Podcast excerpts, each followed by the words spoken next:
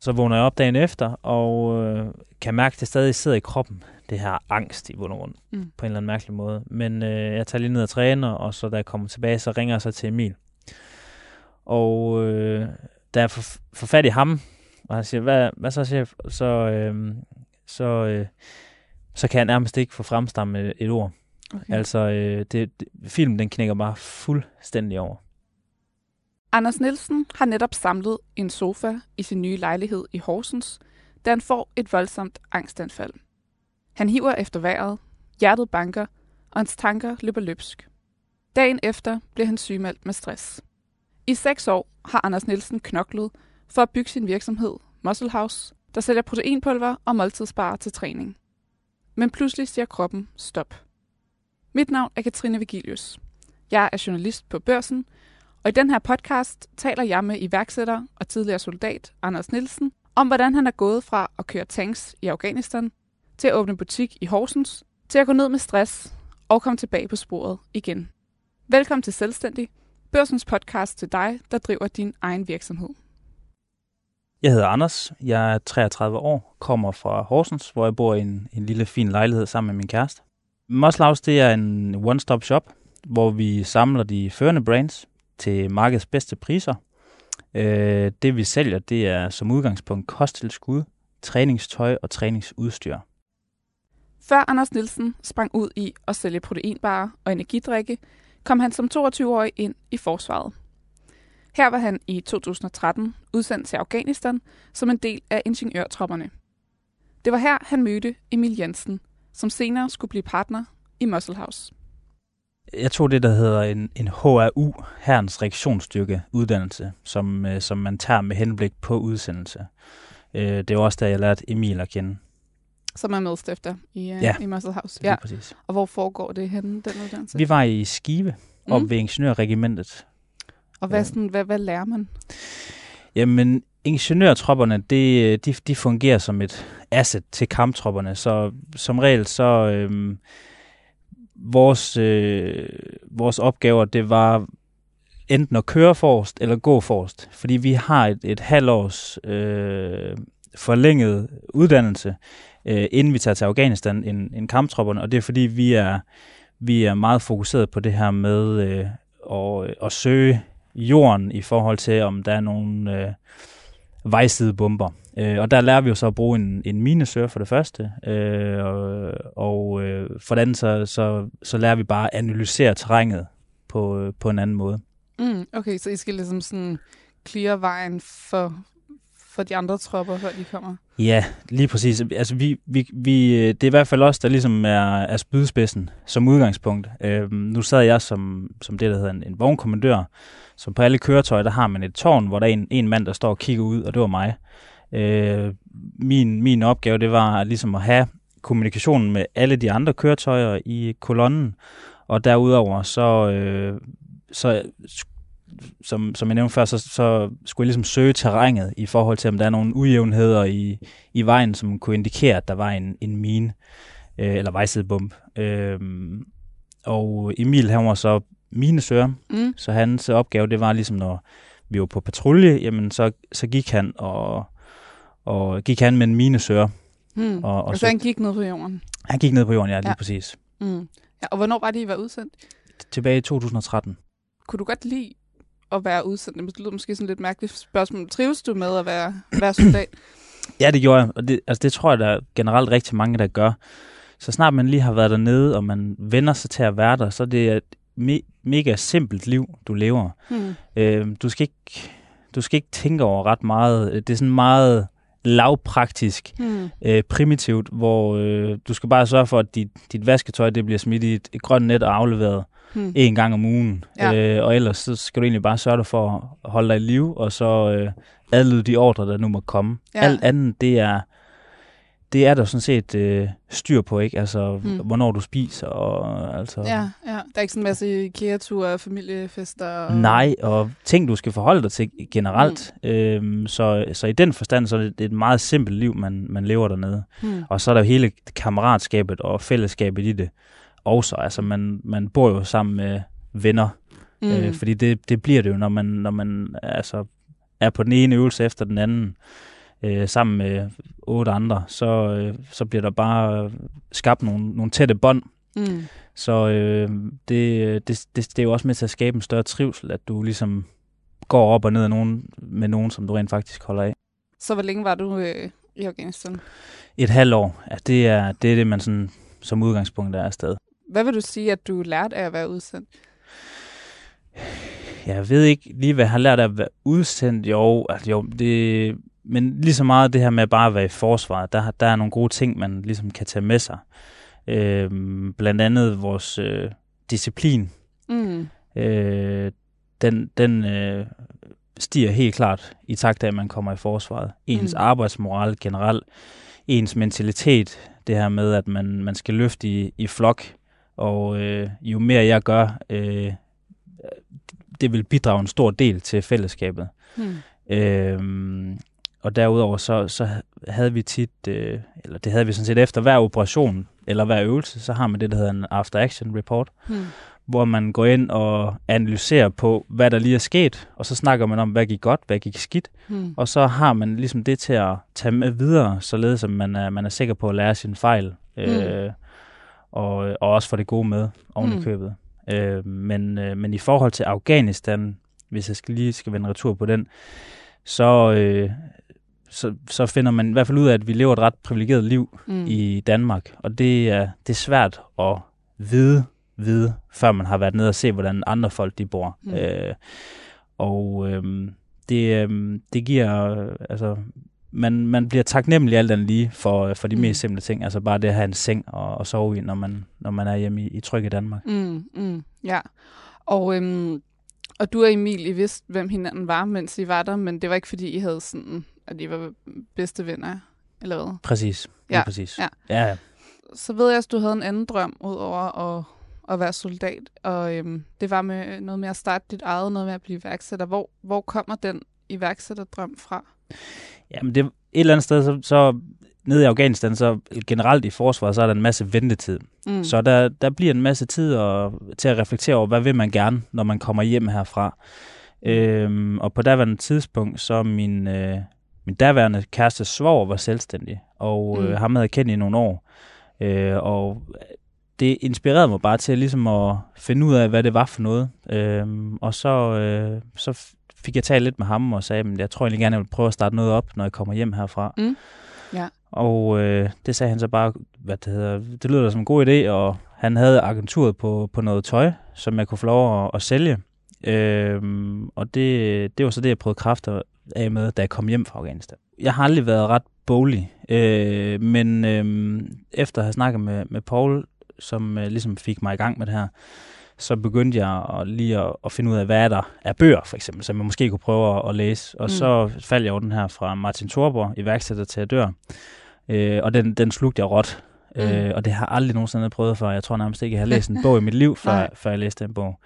Øh, så der, der kunne jeg jo bare mærke, at der var en ild i mig, Mm. efter at have læst den. Altså, okay, så, så er jeg altså ved at være på rette spor, fordi jeg har aldrig oplevet så stor en interesse for noget som helst, før Nej. jeg, nej. jeg dykkede ned i det her. Ja, hvad var det i bogen, der fik dig til at vende siderne? Men det, jeg, jeg tror bare, det var, altså, det var meget, øh, du generelt, han kommer ind på alle facetter af at drive en virksomhed. Nu er det lang tid siden, jeg har læst den, mm. så du må ikke lige hænge mig op på det, men øh, der, der var mange øh, konkrete råd også, jeg kunne tage med, Mm. øh, i forhold til hjemmeside og, og ja, SEO og ja, markedsføring generelt. Hmm. Øhm, så det var sådan lidt, lidt af hvert, hvor man lige får lov at, at snuse til det, og det var, det var egentlig guld værd for mig, fordi jeg vidste ikke noget om noget som helst. Da Anders Nielsen i efteråret 2014 kommer hjem til Danmark igen, stifter han virksomheden Casual Day. Det var salg af, af tøj, plain tøj, altså t-shirts Mm. mm. og bukser og trøjer, som var helt plain, neutrale i farverne, hvid, øh, grå, sort. Øhm, det, var, det var udgangspunktet. Øh, billigt og plain tøj. Hmm. Men, øh, men, og det var sammen med en, en kammerat fra forsvaret også faktisk. Det Ja. var ikke Emil. Mm. Øh, men det, altså, vi fandt hurtigt ud af, at det, det gik ikke særlig godt. Mm. Jeg, jeg ved jo så, øh, da, da vi stopper, min kammerat og jeg, at jeg vil gerne være selvstændig. Altså det har jeg ligesom fundet ud af her. Mm. Jeg kan tydeligt mærke, at jeg har en kæmpe interesse for det. På det tidspunkt, der arbejdede jeg fuldtid i forsvaret, og så ved siden af, så kørte jeg det her Mm. som et øh, sideprojekt. Øh, men øh, jeg havde jo sparet nogle penge op i kvæg, vi lige havde været i Afghanistan, og øh, jeg kunne bare mærke, at det er, jeg, skal prøve, jeg skal prøve kræfter af med noget andet. Mm. Og nu har jeg prøvet øh, det her online øh, univers, og tænkt, det, det, er ikke, øh, det er ikke vejen, jeg skal gå lige Mm. til at starte med. Mm. Øh, men jeg skulle så have fundet noget andet at, at rive i, og øh, igennem forsvaret havde jeg fået en, en stor passion for, for træning. Mm. Og øh, udover det, så de kommercielle fitnesscentre, de var begyndt at skyde op. Mm. Øh, og det var meget omtalt i medierne også, Ja. at øh, Ja. Fitness World og Fitness.dk og Ja. Og Ja. vi er stadig i 2014 her? Eller? Ja. ja. Mm. Det er vi. Det er vi. Øhm, men, men jeg følte, timingen den var god ja. Ja, et eller andet sted. ja. Og før jeg vidste af det, så havde jeg fundet et legemål i Horsens, og ja, skrev under på kontrakten og flyttede, sagde op i forsvaret, og så åbnede jeg butikken øh, med salg og kosttilskud i Horsens. Det var jo ekstremt tom, faktisk. Okay. Øh, og jeg tror, hvis, hvis jeg havde, eller hvis, hvis jeg så en butik, der mindede om den, altså nu, så ville jeg tænke, det kommer aldrig til at gå. Fordi øh, det var ikke mange varer, der var på hylderne, Nej. og det var heller ikke nogen varer, som folk de havde noget særligt kendskab til. Mm, Hvad var det for nogle varer? Jamen, det var bare nogle ret... Øh, de, de, de var ikke så kendte i den forstand, at det var, øh, det var ikke alle, der ville sælge ind til mig på, på det tidspunkt, fordi mm. at alle de, de store brands, men de, der, der skal man lige bevise Mm. sit værd, inden at de ligesom vil sælge ind, ligesom Nike og Adidas. Det, det kan mm. du ikke bare lige få som, som nyopstartet virksomhed. Okay. Der skulle lige gå noget tid, før de, øh, de bed på. Altså den måde, det var gået på med Casual Date, det havde ikke taget modet fra dig øh, i forhold til at fortsætte som Nej. Nej. Overhovedet ikke. Nej. Nej, jeg tror mere, jeg Mm. havde taget de øh, learnings med, som øh, jeg nu kunne bruge til noget. Og Ja. øhm, det var jo det var min overbevisning, det var, at, øh, at det ville være lettere for mig at drive noget omsætning igennem en fysisk butik. Hmm. Mm. Fordi det tager ikke lige så lang tid at få ordet ud i et lokalområde, som det gør på en hjemmeside, hvor du skal markedsføre dig til, til et helt land. Mm. Mm. Ja. Ja. Øh, og det var jo sådan set også reelt nok. Hvad var dine drømme og ambitioner for den her butik? Ja, lige da jeg åbnede, så, så tror jeg egentlig bare, at jeg, altså, det, jeg- det jeg sagde til mig selv, eller sagde til andre, det var, at jeg ville bare gerne kunne leve af det, så er jeg tilfreds. Mm.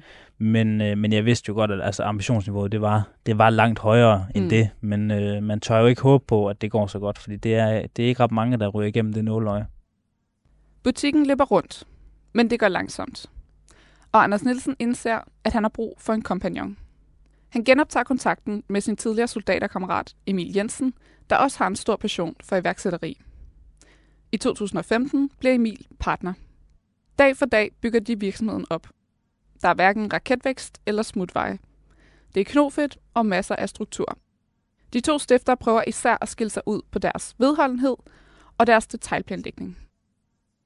Det kan være, at vi har en leverandør, der siger, hey, vi har lige nogle varer her. Mm. Øh, vi, har for, vi, vi har overstocking for eksempel. Vi vil mm. gerne have dem her, så måske en bedre indkøbspris, og så kan mm. vi sælge dem til en, til en billigere tilbudspris. Ja, ja. Og, og så laver vi bare et stort kampagne-setup, Mm. Hvor man siger, jamen, øh, det, det er bare sådan helt øh, kronologisk rækkefølge. Jamen, produkter, der, produkter, der skal vi have opdateret produkttekst, vi skal Mm. have lagt billeder ind, og vi skal have klargjort billeder til sociale medier, vi skal have klargjort grafik og nyhedsbrev. Så det er mere den form for eksekvering, den har bare været planlagt altså, Mm. Mm. minutiøs, og det har den været fra, fra start af i bund og grund. Mm. Mm. Øhm, så vi har været sådan meget perfektionistiske i Ja, forhold til ja. at skubbe de der kampagner ud. Ja, det har ikke været sådan noget tilfældigt Nej, glasfærd. Nej, Ja. lige præcis. Hmm. Og tror du, I har kunne bruge noget af det, I har lært som soldater i det at drive virksomhed?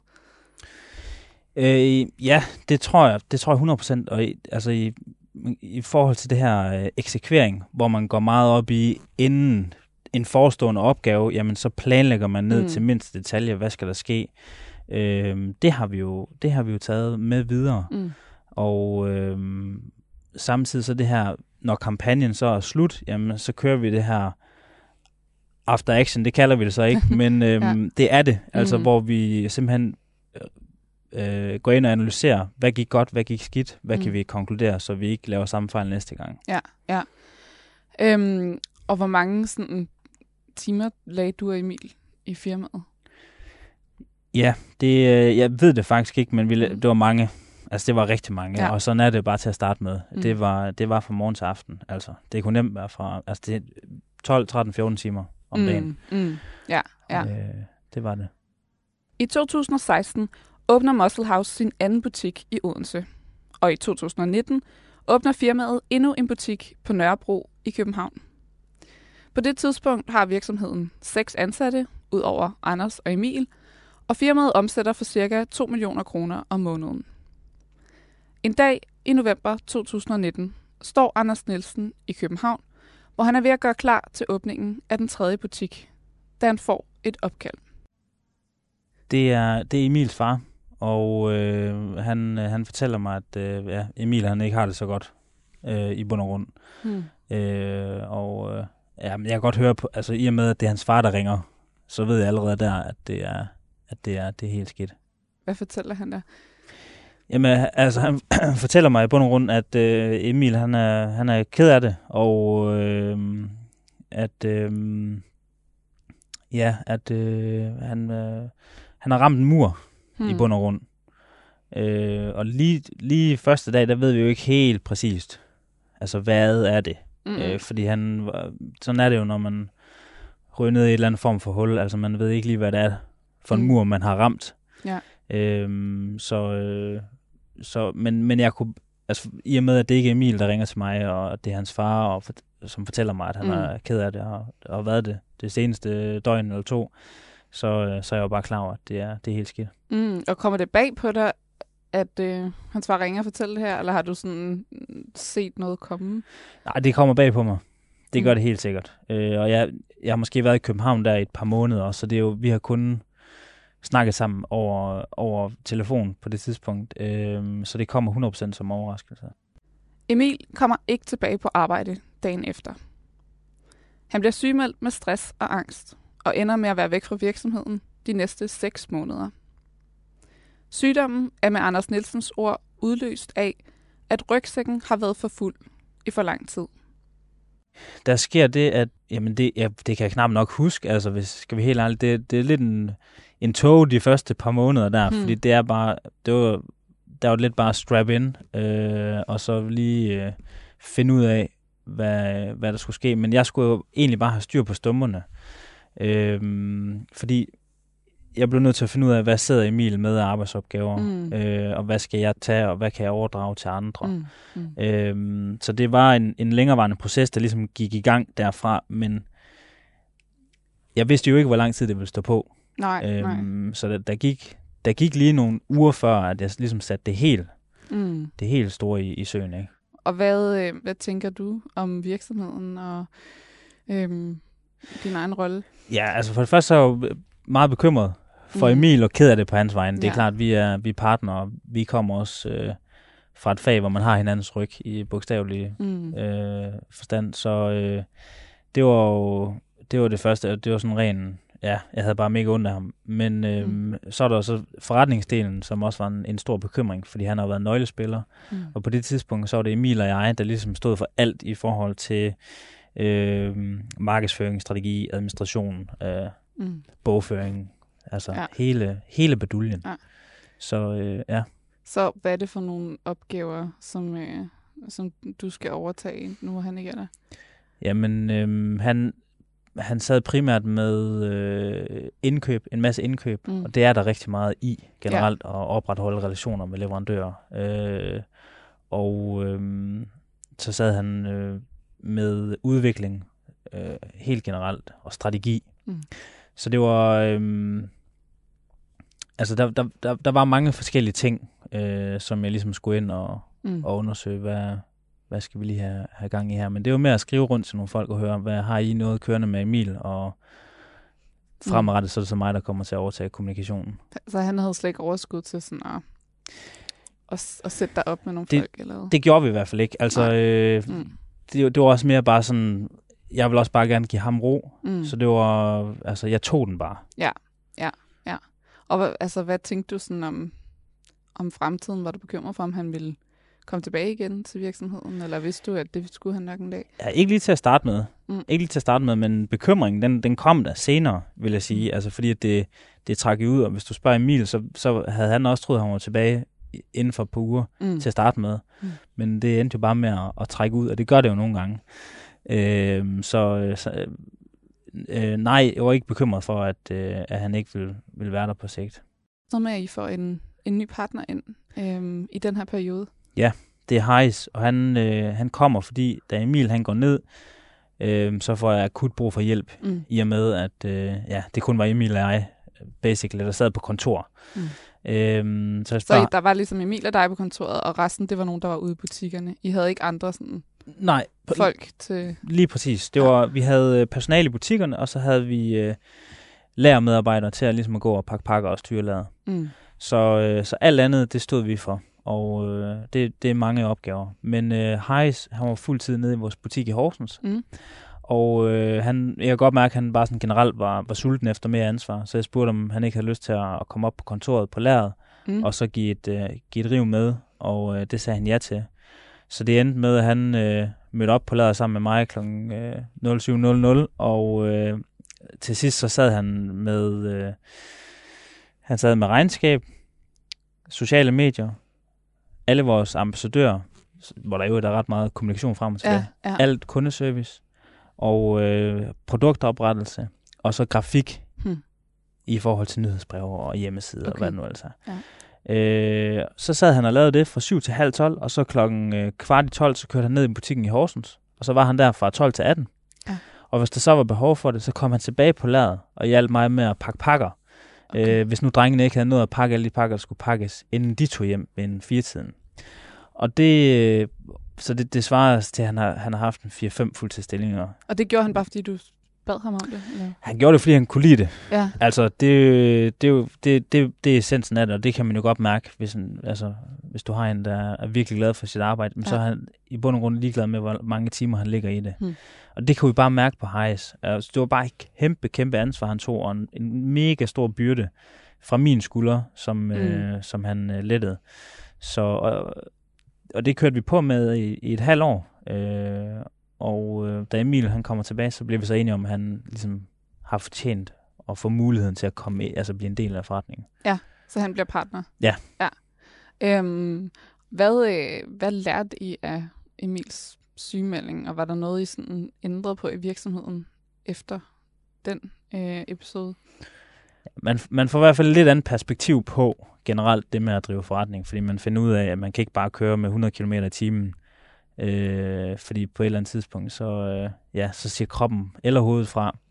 Mm. Øh, det lærte Emil i hvert fald. Ja. Må sige, jeg, jeg, jeg, jeg fik jo også en senere, men øh, alt andet lige, så, øh, så lærte vi også, at, at vi ikke er uundværlige. Mm, Altså, ja. virksomheden, selvom Emil eller jeg for den sags skyld ikke er der, så skal Ja. ja. forretningen nok køre videre. Og det er en ret vigtig learning øh, generelt, fordi det det er man s- mega bange for at slippe, og det er derfor, i de seks år, vi nu har været i det, på det daværende tidspunkt, der er bare, forretningen er blevet prioriteret højere end noget andet. Mm. Øh, og man, vi har ikke tilladt os selv at tage fri. Mm, Altså, mm, fordi man tænker, at hvis man, hvis man selv er væk, eller man tager fri, så falder det sammen. Ja. Eller, ja, hmm. præcis. eller andre kan ikke udføre Ja, men- opgaven. Vi havde ikke nogen på det tidspunkt til ligesom Mm. at udføre altså, øh, markedsføring og administration Mm. generelt. Øhm, så, så det var også en ting, vi lærte. Det var, jo, da Heisen kom ind, jamen det her med at have en, en blæksprutte, der kunne varetage mange af de her opgaver, som kunne tage mega lang tid, Mm. det er sindssygt godt givet ud. Virksomheden, der nu sælger gennem tre fysiske butikker og en webshop, vokser stødt måned for måned. I regnskabsåret 2020-2021 omsætter Muscle House for 55 millioner kroner eksklusiv moms og tjener godt 1,3 millioner kroner på bunden. Den vækst har ikke været gratis. Hvis du nu skal beskrive dit arbejdsliv i, i Muscle House sådan frem mod 2021, hvis du nu skal beskrive det med tre ord, hvad skulle det så være? Det er øh, lærerigt, Ja. vil nok være det første ord. Øh, det, det har været en, en vild rejse, sådan helt generelt. Det, jeg kunne knap nok finde ud af at skrive en mail, altså da jeg startede op som selvstændig, ja. så det har været en, en meget steep learning curve, der har ja. været. Øh, så har det været hektisk.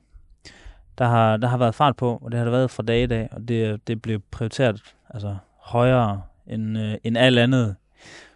Prioriteret højere end, end hvad godt er, også, altså mm. de, de første mange år, ikke? Øh, og så øh, og rutsjebane, det vil nok være det sidste ord. Mm. Det er fordi, det er en, det er en rollercoaster at være, være selvstændig. Mm. Der er så mange op- og nedture hele tiden. Ja. Øh, og så det er sådan, man, man skal være ret emotionelt stabil, mm. for at kan være i det, fordi det er så nemt at tage med hjem, hvis øh, der er en dårlig dag.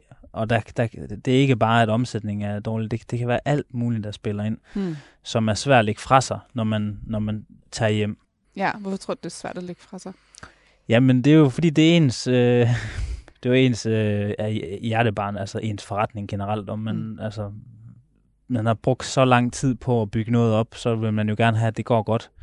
Øh, men øh, så det kan, det kan bare være sindssygt svært at slippe, mm. øh, når, man, når man tager hjem. Øh, det kan også være, at du har noget personale, der ikke har det godt, eller mm. for eksempel Emil, han var syg også. Det, det kan jo ikke bare, så kan jeg jo ikke bare tage arbejdshatten af klokken 18.00, og så sige, det var det, var det og så mm. hygge mig resten af aftenen. Mm. Altså, så i den forstand, så kan der være, så der er ret mange bekymringer forbundet med, som man ligesom skal prøve at give lidt slip på.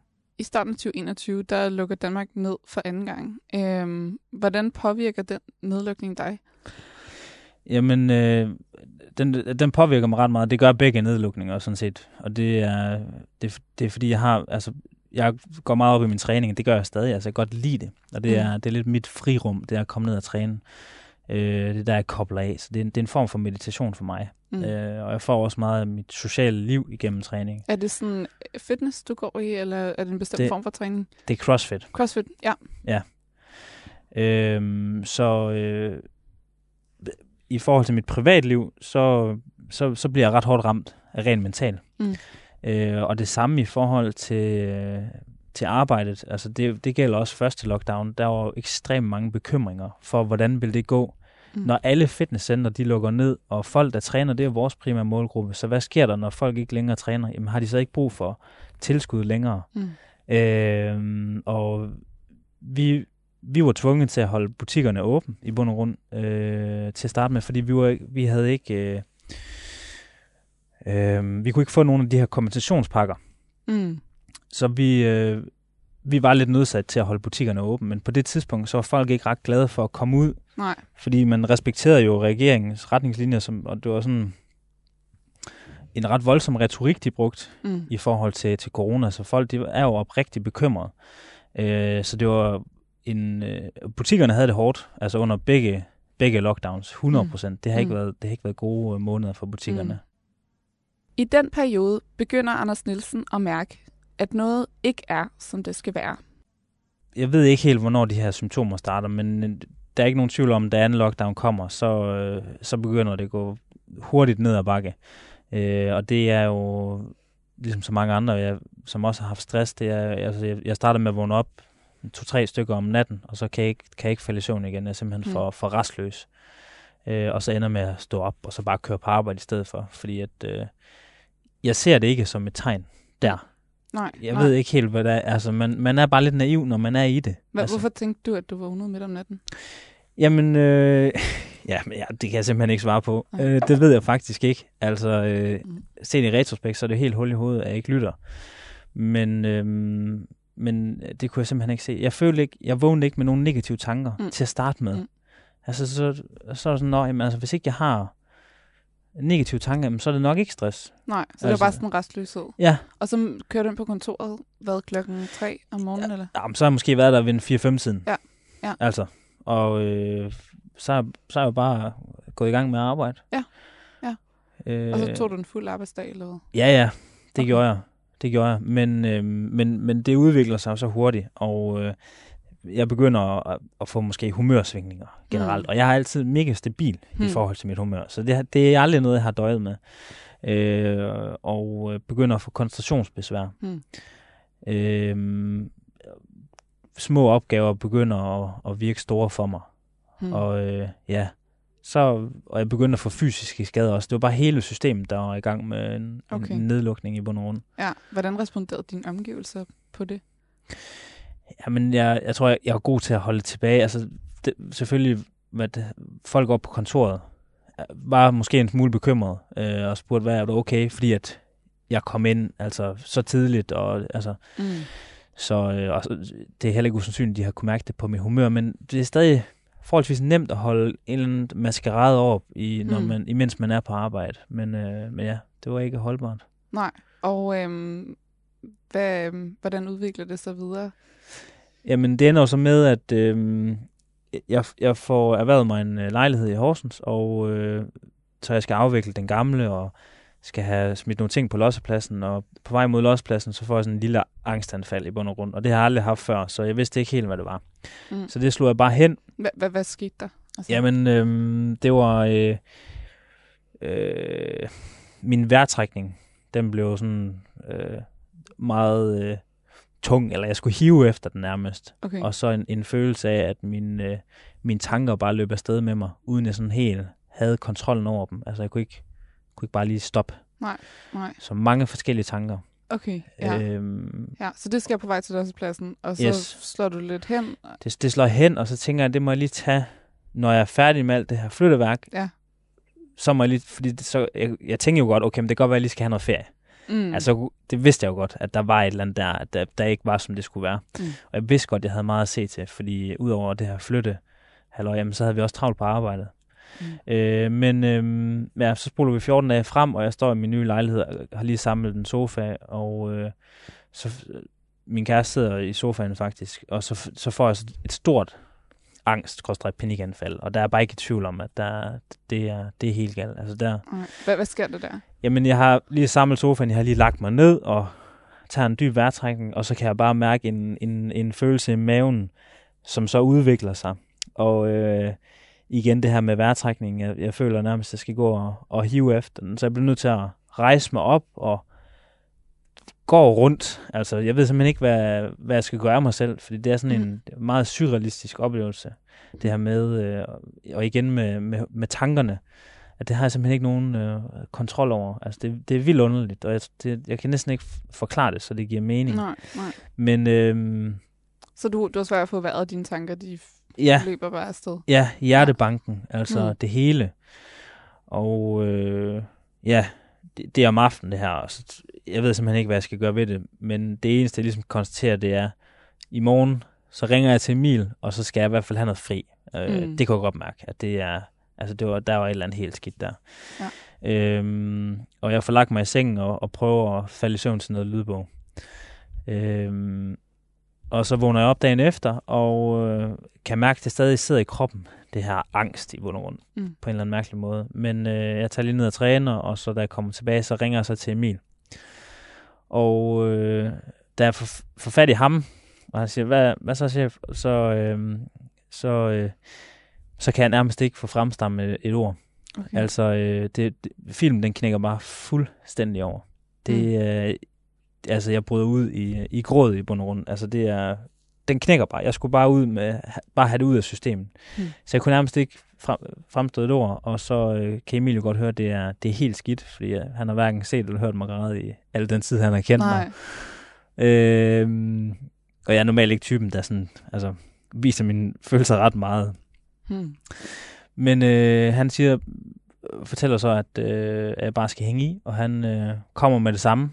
Hmm. Øh, og øh, så kører han så fra arbejdet, og så hjem mod mig. Øh, og imens han er på vej hjem til mig, så får han så lavet en aftale med min psykolog, som jeg kan se allerede samme aften. Okay. Så da Emil han kommer hjem til mig, så får vi gået nogle lange ture, og jeg får grædt ud. Altså, jeg har aldrig grædt så meget i mit liv før. Okay. Øh, mm. men, og samtidig en mega lettelse et eller andet mm. sted at, at komme ud med det. Mm. Men, øh, og tænker du sådan, altså, er du bevidst om, hvorfor du græder? Altså, har du nogle tanker, eller er det bare sådan det, kroppen, der det, er... Jamen, det kan være hvad som helst, der græder. At det, altså det er, jeg har, det er bare følelserne, de er simpelthen bare så langt ude på tøjet mm. øh, den dag. Altså det kan være, Emil han siger, du ved, vi er taknemmelige for dig, eller hvad ved jeg, altså så kan jeg græde over det. Okay. Ikke? Altså, så ja. det er simpelthen det mindste. Øh, det er bare følelsen, de sidder bare på tøjet. Ja. Øhm, ja. Og så kommer du til psykolog om aftenen? så kommer jeg, ja, Emil, han tilbringer hele dagen sammen med mig. kører mig ud til psykologen om aftenen, og han insisterer nærmest på, at han skal sove hjemme med mig efterfølgende. Okay. Men øh, hvad det hedder, jeg fortalte min psykolog øh, samme dag i bund og grund, Mm. mm. og øh, det har, det har været mega afgørende for mit forløb. Det er, det er jeg overbevist om. Hvad, hvad f- finder du ud af til den samtale? Får du ud af det? Jamen, det, øh, altså vi konstaterer jo bare, at, øh, at der, der er blevet kørt for hårdt på i for lang tid, og det er ens behov har man udskudt øh, til fordel for forretningen, og det, det, altså det, det kan man ikke blive ved med at køre på med. Mm, mm. Og øhm, altså, er det noget, du godt har vidst, eller er det noget, der kommer bag på dig? Nej, det kommer ikke bag på mig faktisk. Det, øh, altså, ja, men både og, men, men i og med, at der har været en optakt på en, en 4-5 måneder, Mm. Så, så havde jeg jo godt set den komme øh, øh, indirekte et eller andet sted, ikke? Men øh, man, man tror altid bare lige, man kan spænde hjelmen lidt, og så køre på, fordi der, er- der er travle perioder, og så er der ekstra travle perioder. Mm. Og det vil der altid være. Så nogle gange, så tænker man jo bare lige, at jeg skal bare lige hen over det her, mm. og så må jeg lige tage mig af det andet efterfølgende. Men det her, det har bare været over en lang årrække, øh, og øh, ja, Hmm. Hmm. Og ved du, hvorfor det er lige præcis på det tidspunkt, at badet flyder over? Altså er det flytningen, eller? jeg tror, det, det er kombination af mange ting. Mm. Altså igen, vi har ikke holdt ferie i, i syv år, og øh, ja, måske har haft en uge sammenlagt ferie. Mm. Øhm, vi har mega travlt på arbejdet, og så har jeg det her lejlighed ved siden af, som jeg prøver at flytte ind i, og udover det, så, så er der hele den her øh, coronadel, hvor jeg ikke har mulighed for at træne, og jeg, det sociale, som jeg får igennem træning, det har jeg Mm. ligesom, det har jeg mistet. Øhm, så det, til sidst, så, så var der bare ikke noget, jeg gik og glædede mig til i privatlivet. Hmm. Og når man arbejder meget, så er, det, så er det ekstremt vigtigt, at man har noget i tilværelsen, som kan gøre en glad. Mm. Og det havde jeg ikke til sidst. Mm. Øh, så det, det er bare øh, det, det er en farlig cocktail, ja, hvis ja. der i forvejen er meget at se til, og har været det i lang tid, og du aldrig nogensinde kobler af. Mm. Så du bliver sygemeldt efter den her dag? Eller Ja, hvad? Det, det gør jeg sådan set. Emil, Ja. ja. han, øh, han får lige en hurtig overdragelse, og så aftaler vi, at, øh, at jeg, jeg skal overhovedet ikke tage mig af noget som helst. Jeg skal bare slette øh, mails, og Emil han sørger for alt. Emil og Ja. Heis for den sags skyld. Og hvad, øh, hvad laver du under din sygemelding? Jeg, øh, jamen, jeg, jeg går en masse ture, Ja. og øh, får også nogle værktøjer af psykologen. Ikke? Altså, man, man skal lære at mærke efter, og sådan noget. Det har jeg altid været dårlig til. Mm. Øh, men øh, der bliver reflekteret en masse Mm. over livet og tilværelsen, og hvad skal der ske, altså senere. Ja.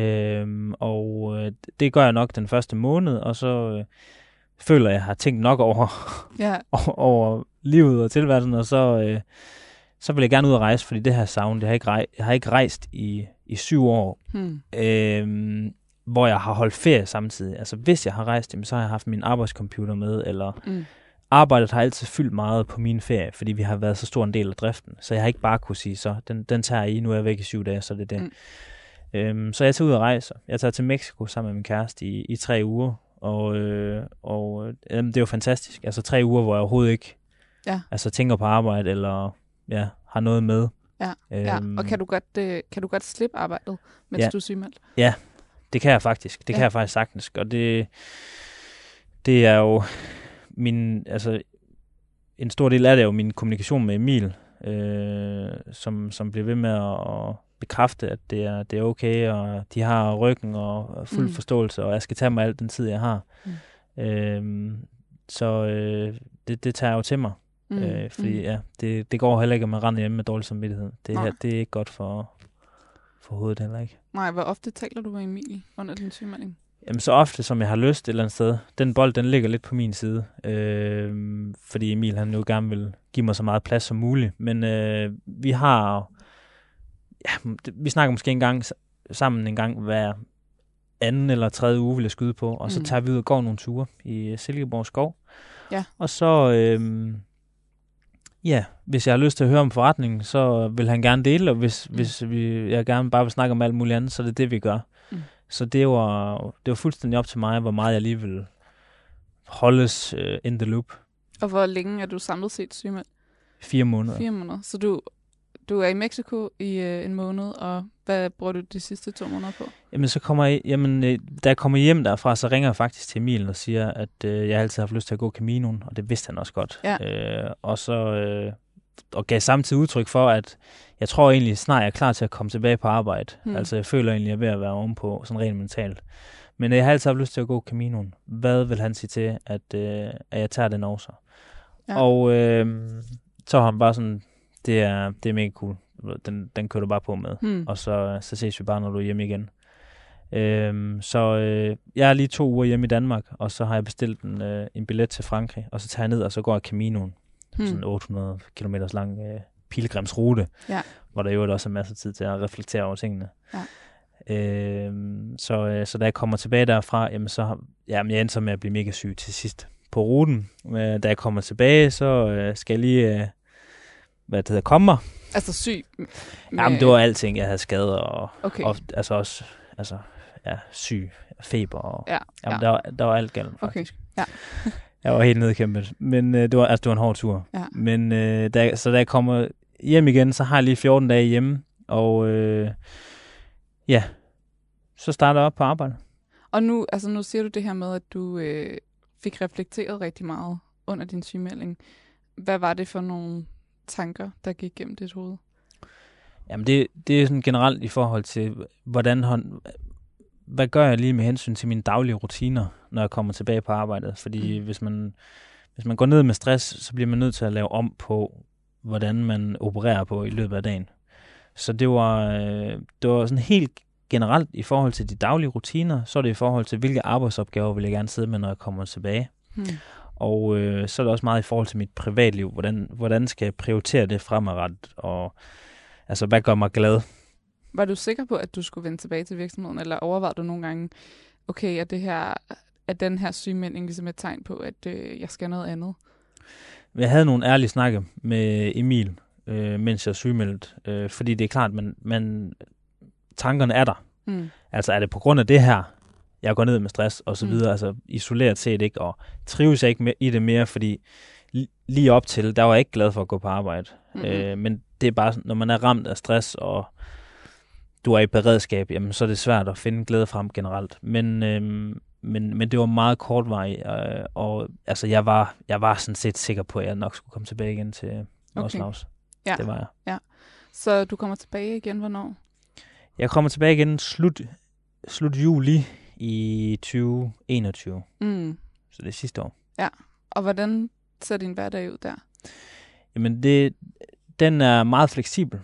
Ja. Ja. Altså, øh, og øh, man kan sige, da jeg kommer tilbage, så fortæller Emil mig så, at vi, de har ansøgt om at komme i løvens hule, og vi også er kommet med. Øh, Ja. ja. Vi skal ind om tre uger.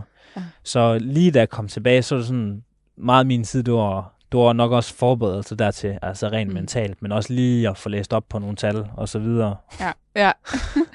ja så du er klar til at Ja. svare spørgsmål? Ja. Hvad tror du, det er, der, der fik dig tilbage på sporet, øhm, tilbage til øh, at kunne arbejde igen?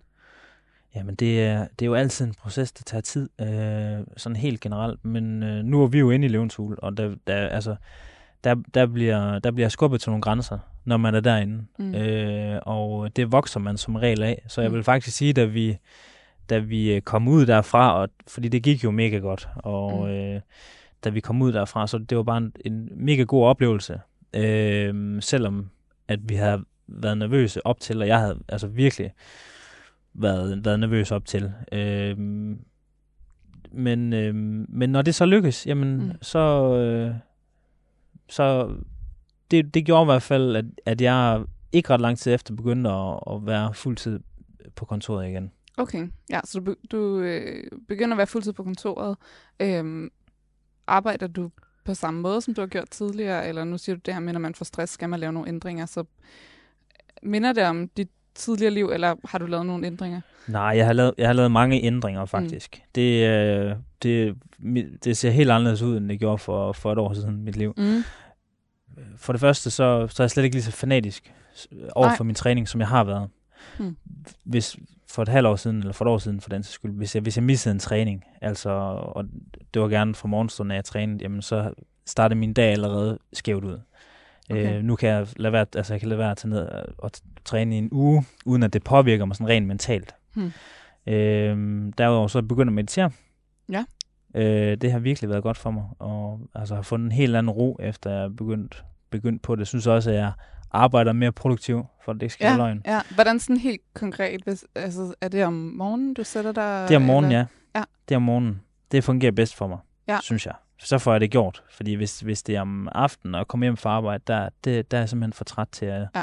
at jeg, jeg gider det. Og at lytter du til sådan en guidning, eller Det- sidder du og tænker på et Jeg eller kan andet? alt eller? muligt forskelligt. Ja, altså, okay. det, er, det er, hvad humøret er til. Ja. Øh, og nu har jeg gjort det så meget, at altså, så kan man også selv finde ud af at navigere i det. Men jeg kan både gøre det efter en timer, altså for eksempel 10-15 minutter, hvor der bare bliver sat en timer, Hmm. hvor jeg bare har fokus på vejrtrækning. Så kan jeg køre guided øh, meditationer, øh, eller meditere til musik for den sags skyld. Hmm. Så det er, sådan, det, det er, hvad jeg lige føler for. Ja. Er det det første, du gør om morgenen, eller hvornår gør du det? Det er ikke, altså nej, det er ikke det første, jeg gør. Det er, jeg træner stadig om morgenen nogle gange. Mm. Øh, så det vil jeg gøre inden, Mm. øh, så frem jeg sidder og træner. Ja. Og øh, så er det hjem og lige få noget mad, og så i bad, og så mediterer jeg, og så kører jeg på arbejde. Hmm. Så hvornår møder du ind på arbejde? Det gør jeg ved ni-tiden. Ja. Halv ni, ni. Og hvornår slutter arbejdsdagen? Det gør den ved en, øh, en 17-18-tiden, hmm. Jeg skyder på. Hvad har du ellers øhm, justeret i dit liv for at, at have det godt? Jamen, øh, jeg har slukket for alle mine notifikationer generelt på Ja. telefonen. Det har været guld værd. Øh, Messenger, Instagram, Facebook, Snapchat, alt. Hvad, og der er, der var tusind ting, der poppede op øh, til mm. sidst. Altså, det var helt skidt.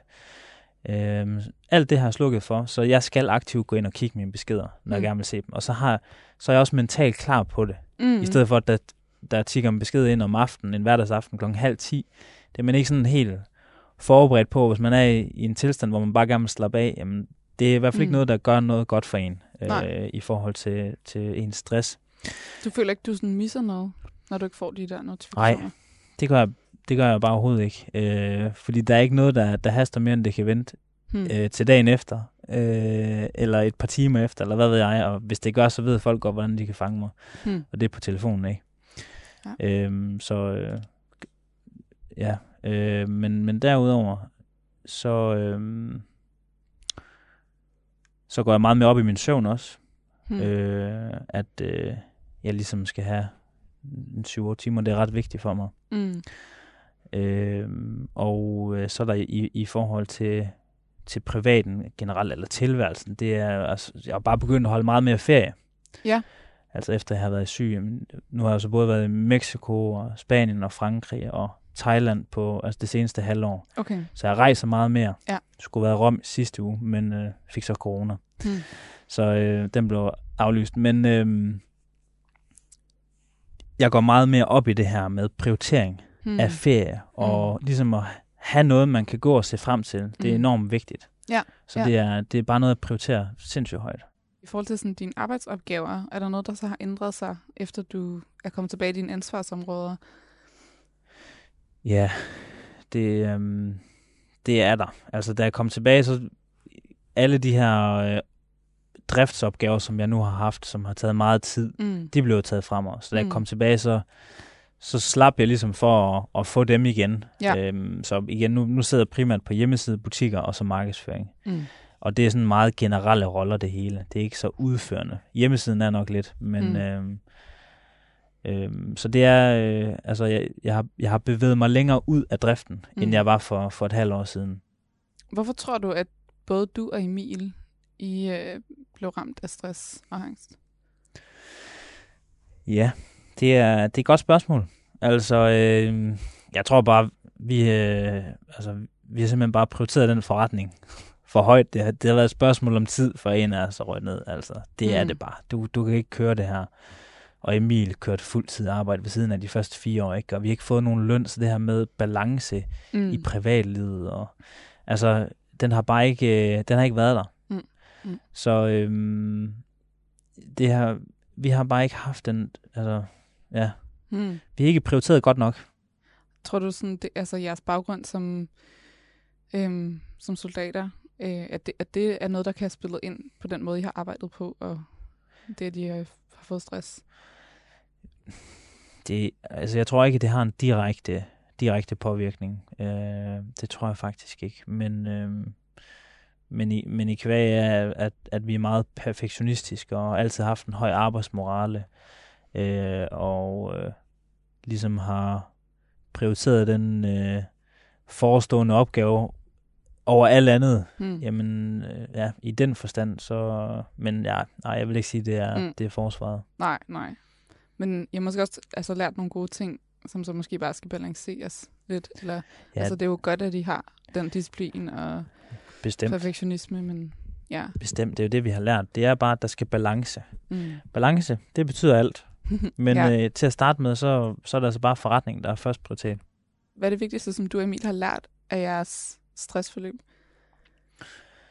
Jamen altså, vi har jo, vi har jo lært, at vi er... Der er ikke nogen af os, der er uundværlige. Nej. Og det er et eller andet sted meget rart at, at vide, fordi øh, så, så, har, altså, så ved man, at forretningen den skal nok køre videre, og så kan vi også nemmere tillade os selv at tage fri. Altså, mm. om det er 14 dage eller 3 uger, så skal vi nok finde ud af det. Altså, ja. det kan vi jo bare planlægge os ud, ud fra. Øhm, og øhm, så får man jo bare generelt et andet perspektiv på det at drive forretning. Altså det er, det er ikke en sprint, det er, det er, det er et maraton. Mm. Så øh, man, det går også ikke, at man ikke er glad ved siden mm. af arbejdet. Så det skal man finde tid og plads til. Og, øh, og få skabt sig en god tilværelse mm. ud over arbejde. Hvordan bruger I de ting, I har lært i forhold til jeres medarbejdere? Gør I noget for at forebygge, at, at de bliver stresset, eller de mistrives? Altså man kan sige, vi, vi prædiker jo ikke nogen hård arbejdskultur, i og med, mm. at øh, sidste mand smutter fra kontoret nærmest senest klokken 5. Okay. Øhm, derudover så, så prøver vi at, at samle folk. Altså når jeg er ude ved butikkerne, så får jeg altid noget, noget mad med dem og ligesom hygge omkring dem. Mm.